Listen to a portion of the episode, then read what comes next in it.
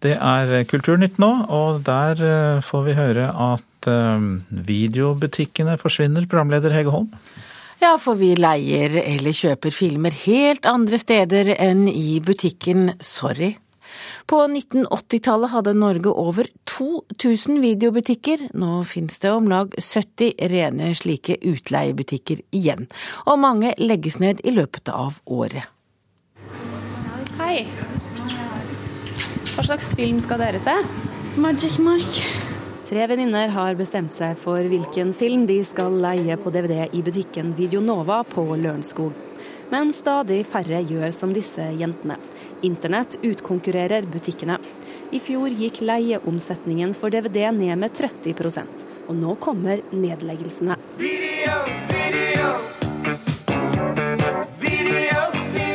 1980-tallet. Videoens gullalder.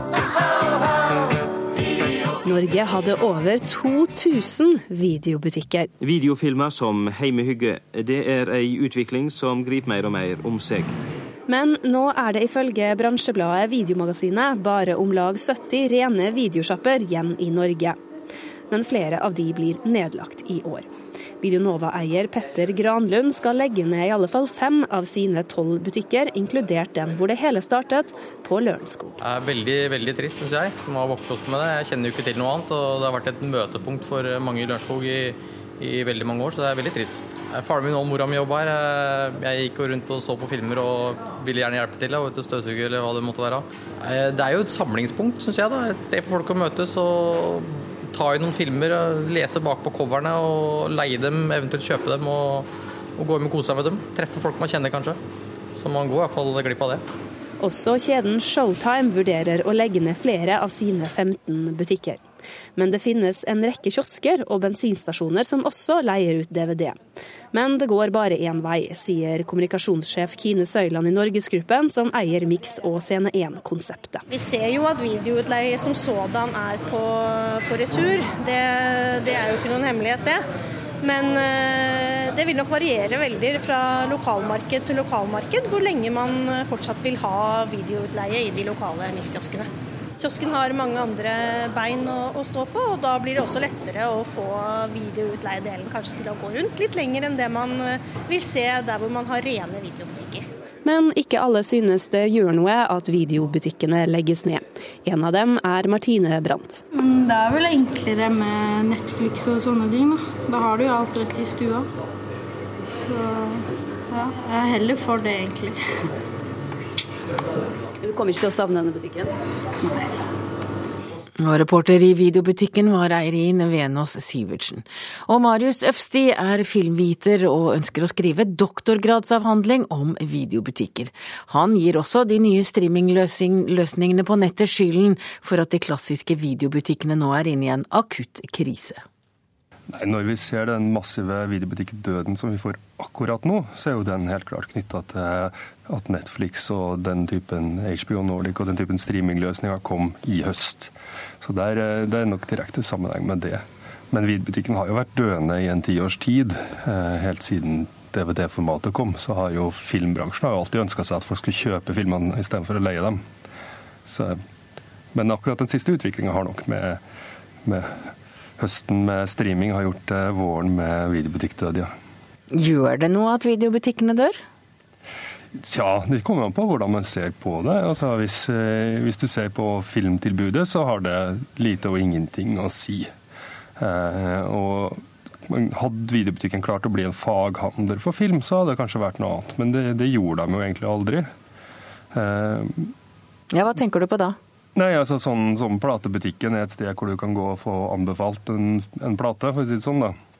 Eh, så, så videobutikkene holdt, prøvde å holde på utleie eh, og ville ikke ha salg i første omgang. Og Da kom jo platekompani og Elkjøp og andre og, og, tok store deler av salget. da. Men du mener at de var ikke, rett og slett ikke faglige nok til å være interessante?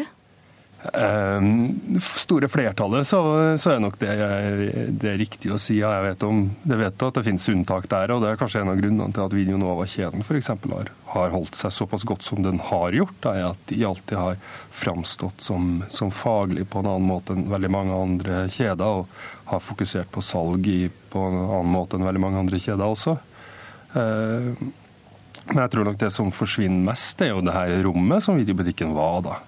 Det kan jo hende at det har vært, vært, forsvinnende en stund, men jeg tenker for min egen del så, så var det jo noe å, å dra på videobutikken på tidlig 90-tall, sent 80-tall og henge og krangle og plukke en film. Det, det forsvinner jo nå. Det er jo en, en betydelig stykke kulturhistorie som, som står i fare. da. Ja, Du hang jo på videobutikken der du vokste opp. Eh, hva gjorde dere bortsett fra å leie film? Nei, krangla om å leie film. Eh, krangla dere om hvilken film som var best? Nei, det, det, er også interessant at man hadde helt andre kriterier for hva som var en, en god film når du er en gjeng på en videobutikk. Eh, da er det ikke nødvendigvis en bra film man er ute etter, men en film som har noe med, med interessene man eh, har, kanskje. Snarere enn en kvaliteten på selve filmfortellinga. Det blir sekundært i forhold til at man skal ha noe å samles rundt. Da. Når tror du alle videobutikkene og utleiebutikkene er borte? Jeg tror ikke det tar, tar mange år, nei. Jeg får lyst til å si fem, men jeg tror kanskje det er overdrevent optimistisk. På, på den rene utleiebutikken. Ja, det vil jo selvfølgelig være salg av, av Blu-ray og DVD i på platekompaniet på Elkjøp i matbutikken i eh, en god del år. Eh, men, men videoutleieforretningen sånn som vi kjenner den, er snakk om, snakk om noen få år, ja. Toppen. Du kan godt tenke deg å skrive doktoravhandling om videobutikkens historie. Hvorfor det? Nei, for det er et hull. Vi vet faktisk nesten ingenting eh, om, om videobutikken som, som er forska på. Eh, verken i Norge eller internasjonalt så er det gjort så godt som, som ingenting. Eh, og Med tanke på hvor, hvor, stor del av norsk filmformidling som har foregått uh, gjennom videobutikken, så er det, ja, det er et hull som vi må tette så fort som mulig. I hvert fall, før, i hvert fall nå når videobutikken forsvinner. Og det sa filmviter Marius Øfsti. I går ble det klart at forlaget Gyldendal vil gi ut bok om Øygard-saken. Det er forfatter Jon Gangdal som skal skrive boken, og dette er helt utidig, og Rune Øygard har ingen planer om å bidra til boken, forteller hans advokat og forsvarer Mette Yvonne Larsen. Han sier det helt uaktuelt, han har sagt nei. Eh, og han ønsker ikke å bidra til at dette kommer ut i bokform. og Dessuten så pågår det nå en straffesak, og det er helt utenkelig at man skal delta i et bokprosjekt. Denne saken har ingenting i bok å gjøre, sånn som vi ser det.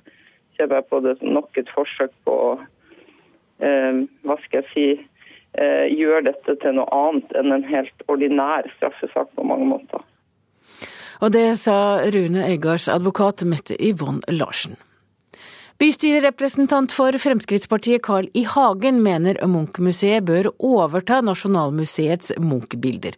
Når Nasjonalmuseets nybygg åpner på Vestbanetomta i 2018, er det fare for at den vil utkonkurrere Munch-museet, sier han til Dagsavisen. Opplaget av VGs papiravis gikk ned med over 23 000 aviser i fjor, men aldri før har så mange mennesker lest avisen, for samtidig som salget av papirutgaven stuper, øker trafikken på mobil og nett. Et typisk eksempel på utviklingen i avisbransjen, som i dag legger fram sine årsregnskap. Ja, Da skal vi til Bergen, for den nye sjefdirigenten for Bergen Filharmoniske Orkester blir fra 2015 Edvard Gardner, som er regnet som en av verdens fremste dirigenter i sin generasjon. Kontrakten ble signert i går, og direktør Bernt E. Bauge mener harmonien har gjort et kupp av de sjeldne. For oss så er dette et, rett og slett et kupp. Direktør Bernt E. Bauge var glad for å ha fått signaturen med blått på hvitt. For Edward Gardner er ei stigende stjerne på den klassiske musikkhimmelen. Han har en solid erfaring allerede, han har en solid bakgrunn, og han er jo å regne som en av vår tids ledende dirigenter i sin generasjon. Edward Gardner er utdannet ved Cambridge og Royal Academy of Music. Han er for tida musikalsk leder ved English National Opera, og har dirigert ei rekke opera- og symfoniorkester både i USA og Vest-Europa. Men hvorfor Bergen etter alt dette?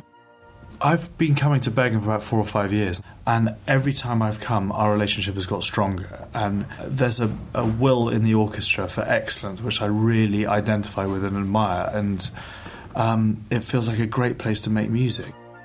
Gardner skryter av den sterke viljen til perfeksjon i orkesteret. Altså, han er jo først og fremst en fantastisk musiker og dirigent. Og musiker Oddmund Økland har bare skryt å gi i retur. Vi har jo fått det sånn som vi ville.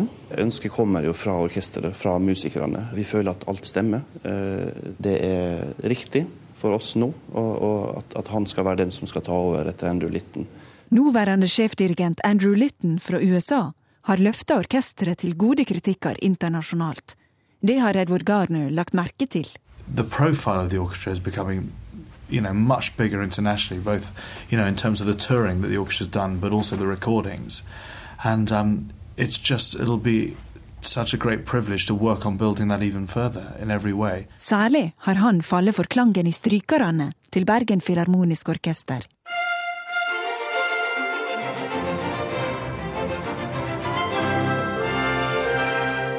There's unquestionably a unique sound of this orchestra, and it's based around this string technique, this extraordinary Norwegian string technique, and, and also a tradition of it as well. That's something I'd love to engage with and develop as much as possible.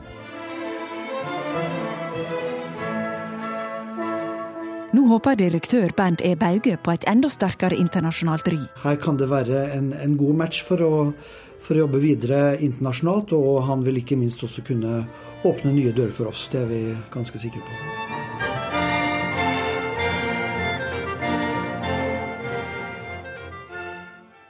Og her hørte vi til slutt Filharmonien spille utdrag fra sonate nummer én i F-mål av Johannes Brahms.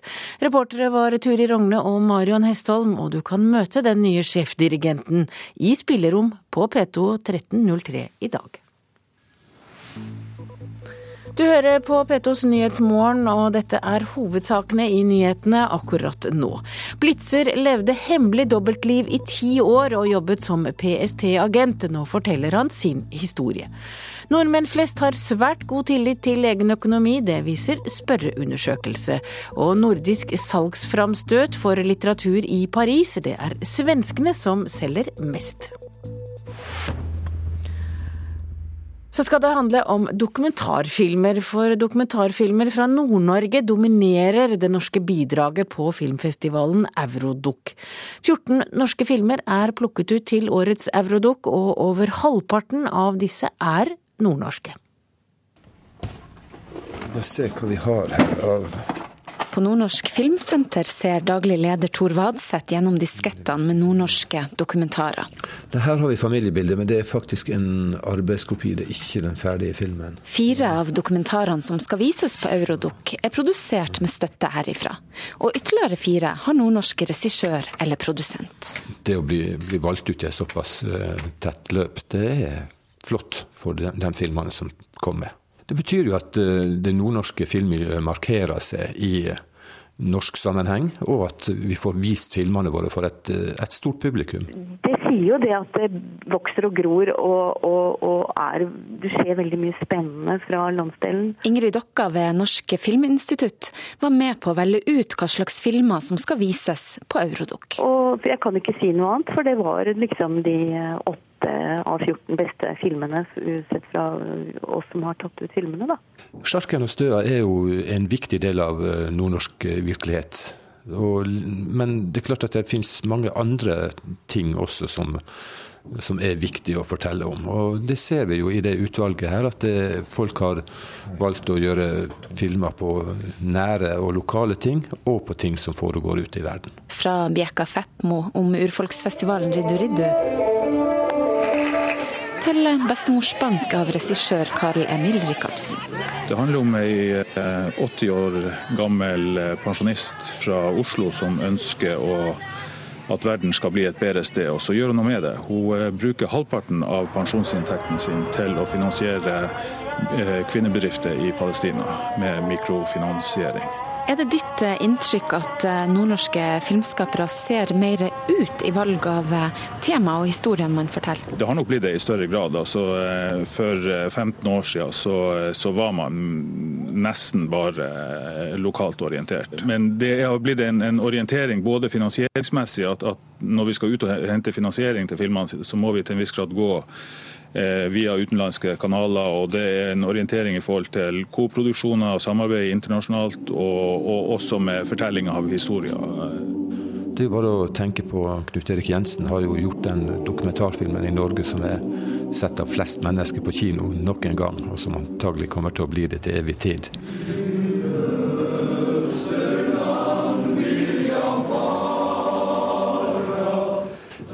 Sånn at her er en, her er en god tradisjon. Dere jobber nå med det internasjonale programmet, det er ikke lansert ennå. Er det trolig at det vil komme flere nordnorske koproduksjoner der? Nei, det er ikke utenkelig. Det er det ikke. Det er faktisk den også, skal vi se. I Tromsø er Vadseth klar i trua på at nordnorske dokumentarer kan prege Eurodoc enda litt mer, når også det internasjonale programmet blir klart. Jeg vil tro at Even Rett Void, som vant eh, Film fra Nord-prisen her på uh, på TIFF 2013 at det er en aktuell film for dem. Og det kan være andre ting også, koproduksjoner som er, som er aktuelle for den festivalen. Og den internasjonale delen av programmet er klar i begynnelsen av mars. Reporter i Tromsø var Karoline Rugeldal. Norsk litteratur skal eh, selges, og det skal den sammen med svensk og dansk litteratur, fordi franske menn og kvinner er et av verdens mest lesende folk, og derfor ble de i går invitert til pressekonferanse i den islandske ambassaden i Paris. Justement, je ne connais pas énormément la littérature euh, nordique, donc euh, je me suis dit que c'était une approche euh, comme une autre. Norsk litteratur? Nej, det känner franska journalisten Virginie Lebagne inte till. Fast det var just därför hon lockades till den samnordiska presskonferensen och där franska bokförlag fick presentera sina kommande nordiska bokutgåvor. Hege Roel Rosson är översättare och konsult för skandinavisk litteratur åt bokförlaget Acte Syd. Och hon säger... Hos Acte Syd så har vi ikke så mange norske forfattere. Eh, det er fremdeles den svenske litteraturen som er eh, størst eh, av de skandinaviske. Rune Bjåstad på norske ambassaden i Paris mener dock at det finnes noen norske forfattere som redan lykkes nå de franske leserne. Og han gir eksempel på Jo Nesbø er en forfatter som selger veldig godt. Vi har også Gunnar Staalesen, som gjør det veldig bra. Anne B. Ragde har solgt veldig godt på veldig få år. Veldig godt, hva innebærer det? Det er i hvert fall over 300 000 eksemplarer på henne. Det er mye? Det er mye på fire år, og åtte titler. Svenskarna Henning Mankel og Stig Larsson med flere andre inom krimvågen har dock på senere år solgt et par millioner eksemplarer av sine bøker i Frankrike. Frågan er da hva som behøves for at norsk litteratur skal gå enda bedre. Estrid Brekken på islandske ambassaden mener at Her i Paris, og særlig nå når vi er her i, i dette sammenhenget, som er jo en samnordisk prosjekt, da spiller det på en måte ikke så stor rolle om det er norsk eller svensk eller dansk eller islandsk eller finsk. Fordi at vi oppleves jo veldig mye her ute i Europa, og ikke minst i Frankrike, som en nordisk helhet. Og jeg tror at hvis Mankel og, og de svenske har hatt stor suksess, så tjener vi andre også på det. Islandske Estrid Brekken, som gått i norsk gymnasieskole, tror enda på suksess for spesielt en norsk forfatter her framover. Nå liker jo jeg personlig veldig godt altså Saabye Christensen. Og jeg har en følelse av at han, han, kunne kanskje bli enda større i Frankrike. Og han har en, en bredde eh, en bredde som gjør at han skulle kunne nå til veldig mange. Snart skal bisettelsen slippes på fransk. Og norske Hege Roel Rosson tror også at boken kan komme til å bli stor i Frankrike. Fast hun har også en annen favoritt. Altså, jeg er veldig glad i, i Thomas Espedal, som vi gir ut. Og, og Hvorfor det? Han uproblematisk klarer å, å få fram eh, en historie, spinne inn seg sjøl uten at det blir påtatt på noe vis. Og reporter i Paris var Johan Tolgert.